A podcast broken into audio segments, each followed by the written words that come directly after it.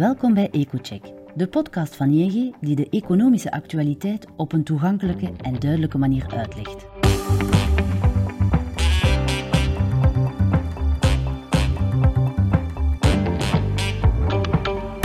Om de twee weken buigen onze economen zich over de meest besproken gebeurtenis en analyseren zij de economische en financiële gevolgen voor u of uw onderneming.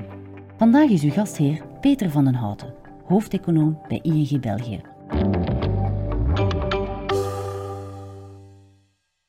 Welkom bij deze nieuwe aflevering van EcoCheck.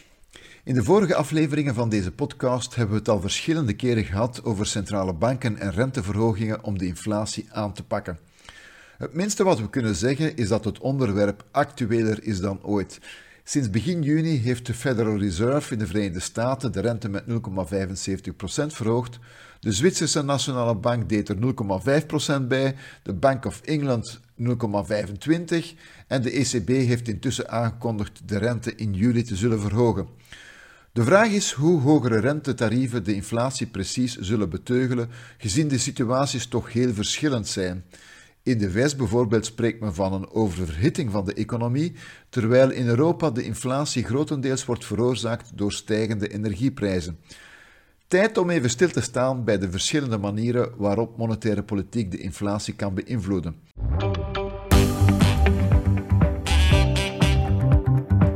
We luisteren naar de analyse van Peter. Laat mij beginnen bij het begin. Inflatie is niets anders dan de verandering van de consumptieprijzen een hogere inflatie betekent dat deze consumptieprijzen snel stijgen, wat om verschillende redenen niet wenselijk wordt geacht.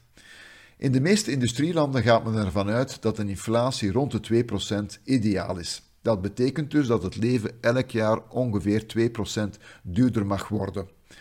Momenteel schommelen we in Europa en in de VS echter rond de 8%, wat duidelijk veel te hoog is. Hoge inflatie kan vele oorzaken hebben, maar vaak is een te sterke vraag een belangrijke determinant. Als alle gezinnen en bedrijven geld in overvloed hebben en dat kwistig beginnen uitgeven, dan is de kans groot dat het aanbod van goederen en diensten niet kan volgen. En dan is de conclusie simpel: te veel vraag voor te weinig aanbod leidt onherroepelijk tot hogere prijzen. Op zo'n moment komen de centrale banken in actie. Via een meer restrictief monetair beleid, wat meestal een hogere rente betekent, proberen ze de vraag af te remmen, waardoor de opwaartse prijsdruk afneemt. Sommigen werpen dan op, ja, maar uh, gaat dat de economie dan niet vertragen? Uiteraard, en dat is precies de bedoeling. Idealitair remt een strak monetair beleid de economie net voldoende af tot de prijsspanningen uh, afnemen, maar dat de economie niet in een recessie belandt dan spreekt men wel eens van een zachte landing van de economie. Maar soms is het noodzakelijk om een recessie te veroorzaken om de galopperende inflatie tot staan te brengen. In het begin van de jaren 80, toen de inflatie meer dan 13% bedroeg in de VS, startte de toenmalige voorzitter van de Amerikaanse Centrale Bank, Paul Volcker, met een draconische verstrakking van het monetaire beleid. Zo werd de rente tot liefst 20% opgetrokken, wat tot een diepe recessie leidde. Men spreekt zelfs van de volkerschok. Het gevolg was wel dat de inflatie heel snel daalde en vele decennia laag bleef. Maar hoe leiden eh, renteverhogingen tot een lagere inflatie? Theoretisch gezien zijn er verschillende belangrijke transmissiekanalen die maken dat een hogere rente tot een tragere groei leidt en dan weer tot een lagere inflatie. Het meest directe effect van een renteverhoging is ook het gemakkelijkste te begrijpen. Een renteverhoging door de centrale banken leidt meestal tot een stijging van alle rentetarieven, zowel op de financiële markten als bij de krediettarieven van de banken. Dat maakt het duurder voor bedrijven en gezinnen om te lenen, waardoor ze waarschijnlijk minder investeren of huizen kopen of minder op afbetaling gaan aankopen doen. Bovendien maken renteverhogingen sparen aantrekkelijker, wat mensen ertoe aanzet meer te sparen en consumptieve bestedingen uit te stellen.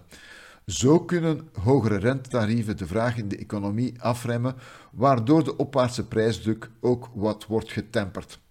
Dit directe rente-effect wordt in de theorieboeken wel eens het Keynesiaanse kanaal genoemd naar de grote econoom John Maynard Keynes, maar dat is natuurlijk niet zo belangrijk om dat te weten, tenzij voor de quizers onder ons.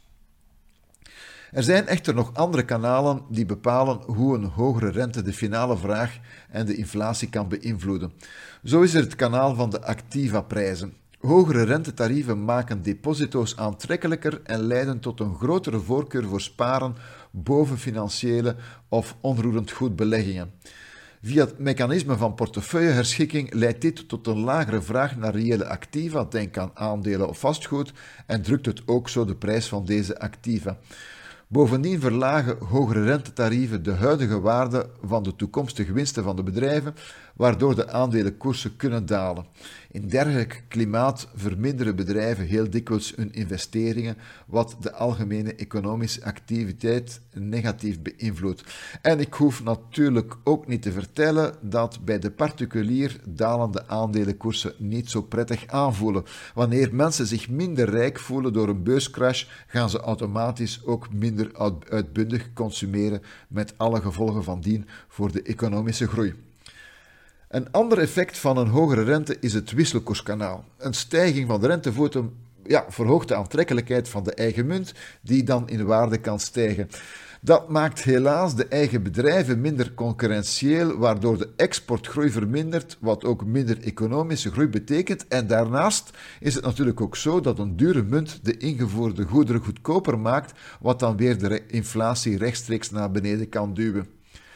Misschien is het nog interessant om te vermelden dat hogere rentevoeten, oftewel monetaire verkrapping, ook een impact kan hebben op de balans van bedrijven, gezinnen en de overheden, vooral wanneer die een hoge schuld torsen. Wanneer men die schuld immers moet herfinancieren aan stijgende rentevoeten, geeft dat natuurlijk minder ruimte om meer uit te geven. Het interessante is dat centrale banken via hun communicatie en hun rentebesluiten ook de verwachtingen kunnen sturen, waardoor het effect van die rentepolitiek in feite nog wordt versterkt. Neem nu de ECB. De bank heeft een paar weken geleden aangekondigd dat ze waarschijnlijk de rente zal optrekken in juli. Dat is nota bene nog altijd niet gebeurd, maar je ziet wel dat de financiële markten al een stuk zijn voor opgelopen. Zo is de lange termijn al fors gestegen, wat uiteraard hypotheekleningen en investeringskredieten een stuk duurder maakt. Dus het economisch effect is nu al voelbaar. Dus samengevat, door de rente te verhogen, temperen centrale banken de economische activiteit via verschillende kanalen, wat uiteindelijk tot lagere prijsgroei moet leiden. In de Verenigde Staten was Jerome Powell, de voorzitter van de centrale bank, tijdens de laatste persconferentie van de Fed heel duidelijk dat hij er alles aan gaat doen om de Amerikaanse economie, die momenteel oververhit geraakt, heel snel af te remmen met het risico natuurlijk dat het te snel gaat en regelrecht in een recessie uitmondt. Voor ons Europeanen kan het feit dat de centrale bank de economische activiteit wil afremmen om de inflatie te bestrijden wat verrassender lijken. De huidige prijsstijging in Europa wordt immers in de eerste plaats veroorzaakt door de sterke stijging van de energieprijzen, onder meer door de oorlog in Oekraïne.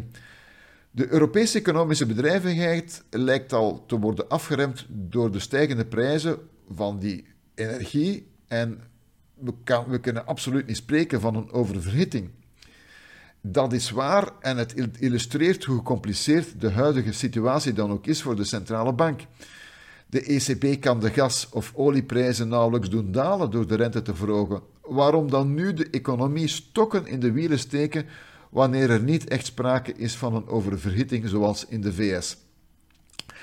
Tja, dat heeft alles te maken met, met inflatieverwachtingen. Eens gezinnen en bedrijven een hoge inflatie gewoon geraken, zullen ze er ook naar handelen. Bedrijven zullen op regelmatige basis hun prijzen verhogen, omdat ze anticiperen dat hun, leveranciers dat ook zullen doen. Vakbonden zullen op hun beurt dan weer hogere loonsverhogingen eisen om de koopkracht veilig te stellen en de, de inflatie te snel af te zijn.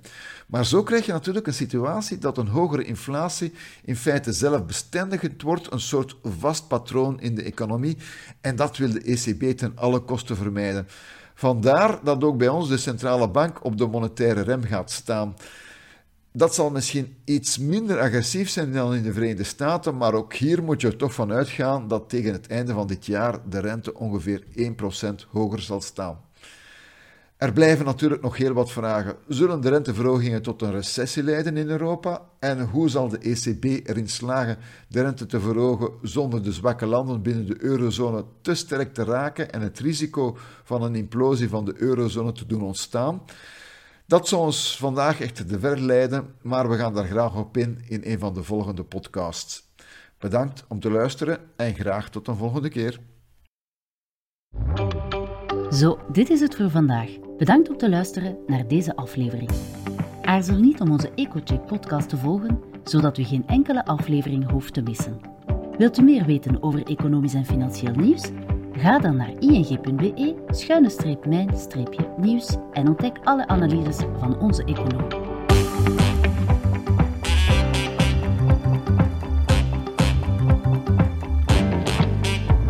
Graag tot de volgende aflevering.